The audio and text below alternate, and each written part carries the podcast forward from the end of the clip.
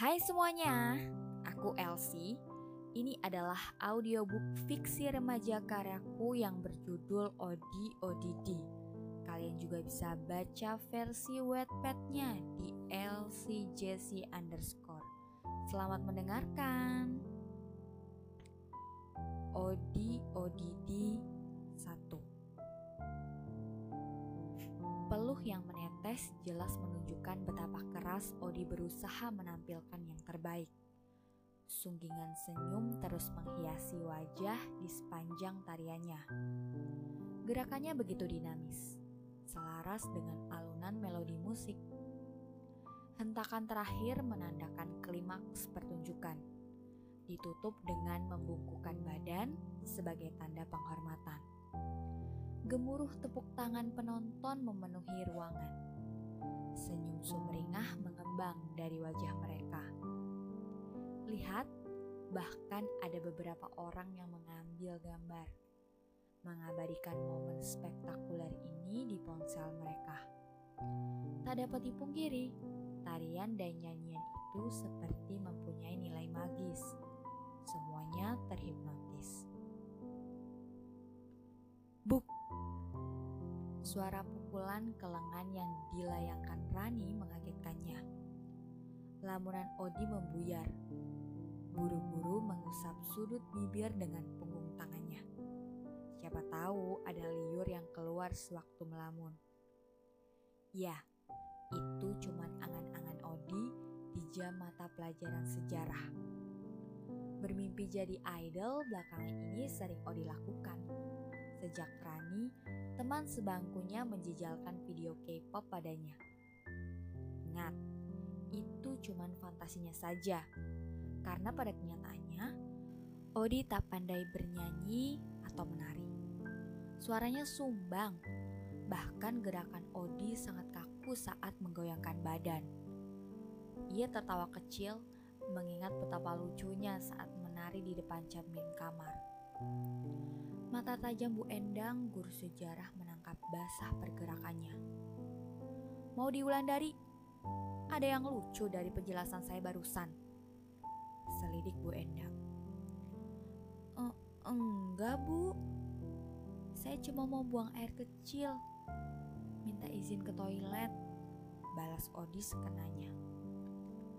Cepat keluar, saya tidak ingin melihat kamu mengompol di sini. Perkataan Bu Endang memancing tawa seisi kelas. Odi beranjak dari bangku, bergegas keluar kelas. Memalukan meratapi kebodohannya, melamun di tengah jam pelajaran si gulu killer itu. Mungkin benar, dia memang harus ke kamar kecil. Otaknya perlu dicuci. Saat perjalanan menuju ke sana, tak sengaja Odi melihat Rio di lapangan basket. Mengenakan seragam olahraga penuh keringat pun, Rio tetap terlihat menawan. Dengan Eliops dari salah seorang rekan setimnya, Rio langsung melakukan slamdang dan bola masuk ke keranjang. Seketika Odi memberikan tepukan. Ah, andai seorang Mario Novandana mau jadi pacarnya. Odi yang malas ini mungkin rela bolos dan dihukum guru lari 21 putaran mengitari sekolah hanya demi menonton jam mata pelajaran olahraga kelas laki-laki itu. Tapi mustahil, Rio tak mengenalnya, bahkan menatapnya pun tak pernah. Bagaimana mungkin Rio jadi pacarnya? Dasar pemimpi. Sempat terbuai dengan permainan basket idolanya itu, Odi akhirnya tersadar, kemudian melanjutkan perjalanan. Di sepanjang koridor, senyum gadis itu terus mengembang mengingat pesona Rio tadi di lapangan. Kok Rio ganteng banget sih? Betapa beruntungnya gadis yang menjadi kekasihnya kelak. Dia pikir Rio pasti akan mencintai gadis istimewa itu dengan sepenuh hati. Jika Odia menjadi gadis itu, pasti dia akan menjadi perempuan paling bahagia di dunia. Lagi-lagi Odi berhayal yang tidak-tidak. Sampai di toilet wanita, Odi mendekati wastafel hendak mencuci muka. Namun, perhatiannya teralih ke arah lain. Di sebelahnya ada Nabella Agustin, sang queen bee sekolah. Bella sedang menelpon sambil memoleskan libam di bibir tipisnya. Odi melirik dari pantulan cemirin besar yang terbentang di hadapannya. Dia memperhatikan dari ujung kaki hingga kepala bukan ingin menguping pembicaraan Bella dengan lawan bicaranya, tapi Odi sedang mengagumi kecantikan Bella yang sempurna bak artis Korea. Kulit dan rambut panjangnya pun terlihat terawat dan wangi. Benar kata Rani tempo hari. Bella dilihat dari dekat mirip Karina, leader girl group Aespa, idol favoritnya. Rani bilang Followers di Instagram dan TikToknya hampir 3 juta. Influencer, Rani menyebutnya. Dia bahkan sering mendapatkan berbagai macam tawaran endorse dan membintangi beberapa judul sinetron dan web series. Bella memang sempurna. Wajar saja jika populer di dunia maya maupun nyata. Sedangkan Odi, ya Tuhan, Sepertinya gadis berambut pendek sebahu ini sudah mulai kehilangan akal sehat. Berani sekali membandingkan diri dengan Bella yang jelas-jelas jauh di atasnya. Bella mengakhiri panggilan telepon, kemudian menatap sinis gadis di sampingnya. Heh, ngapain lo liatin gue? Bentak Bella.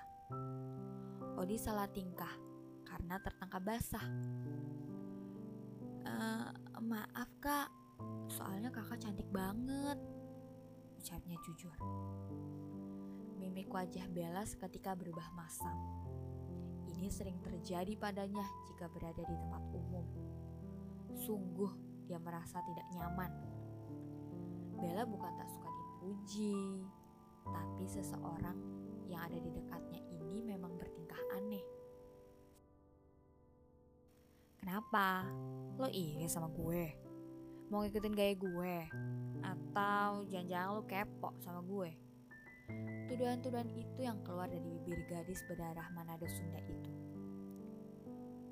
Odi mengunci bibirnya rapat-rapat tak mau memperpanjang masalah dia hanya menunduk memandang lantai putih toilet wanita pantaslah Bella tersinggung Odi memang salah terlihat seperti penguntit Melihat gadis cantik itu tanpa berkedip pasti membuatnya sangat terganggu.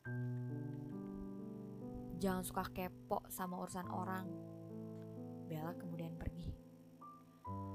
Sepertinya Odi memang harus lebih berhati-hati dalam bertindak. Gadis itu segera membasuh wajah, lalu mengeringkan dengan tisu yang selalu dia bawa ke mana-mana. Dia memperhatikan bayangan diri di cermin gue gak kalah cantik kok, gumamnya. Odi kembali ke kelas. Bu Endang sudah menyambut dengan ekspresi tak biasa. Sudah puas buang airnya? Sindir guru berisi itu. Odi hanya mengangguk canggung. iya bu, lalu bergerak menuju bangkunya. Rani berbisik. Ke WC doang lama banget, aja loh. Gue tadi nonton Kak Rio main basket sebentar di lapangan. Gila, keren banget. Rani melotot. Kalau ada Kak Rio lo lupa segalanya. Jangan-jangan lo dipelet sama dia ya.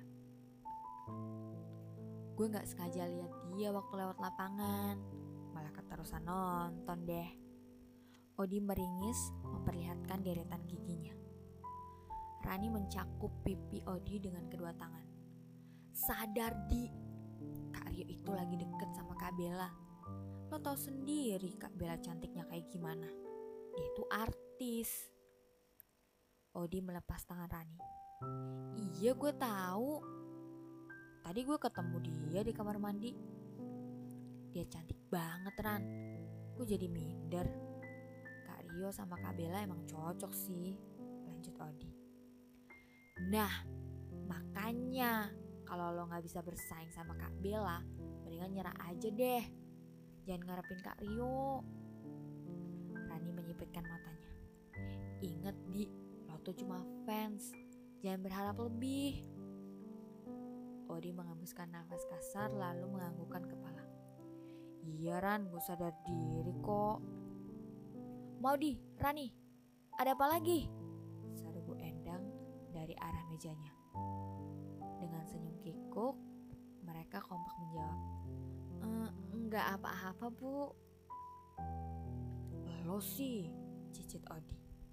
Tidak terima, Rani berdesis. Enak aja. Mereka takut. Wajah guru berhijab berumur sekitar 40 tahunan itu terlihat sangat tidak senang. Berharap bel istirahat menyelamatkan mereka dari hukuman Bu Endang. Rupanya Tuhan sedang berbaik hati. Yang ditunggu-tunggu pun akhirnya berbunyi. Terlukis jelas perasaan lega di air muka mereka. Ya sudah, saya akhiri pelajaran hari ini. Jangan lupa tugas yang tadi saya berikan. Dan untuk kalian berdua, saya akan terus mengawasi kalian. Setelah mengatakan itu, Bu Endang meninggalkan kelas, disusul beberapa siswa yang hendak istirahat. Bu Endang sangar banget, pantesan udah tua belum dapat jodoh. Keluh Odi. Rani buru-buru mengingatkan. Eh, jangan gitu ntar kualat loh ngegibahin guru sendiri. Alah, hari gini lo masih percaya hal begituan. Odi menganggap remeh peringatan Rani. Sedangkan sahabatnya itu hanya menanggapi dengan decakan dan gelengan kepala beberapa kali. Odi memegang perutnya. Ke kantin yuk, gue lapar nih. Ayo. Prang. Sial, lu udah gak waras ya? Udah gue jadi kotor begini. Mo maaf kak. Bersambung. Terima kasih sudah mendengarkan.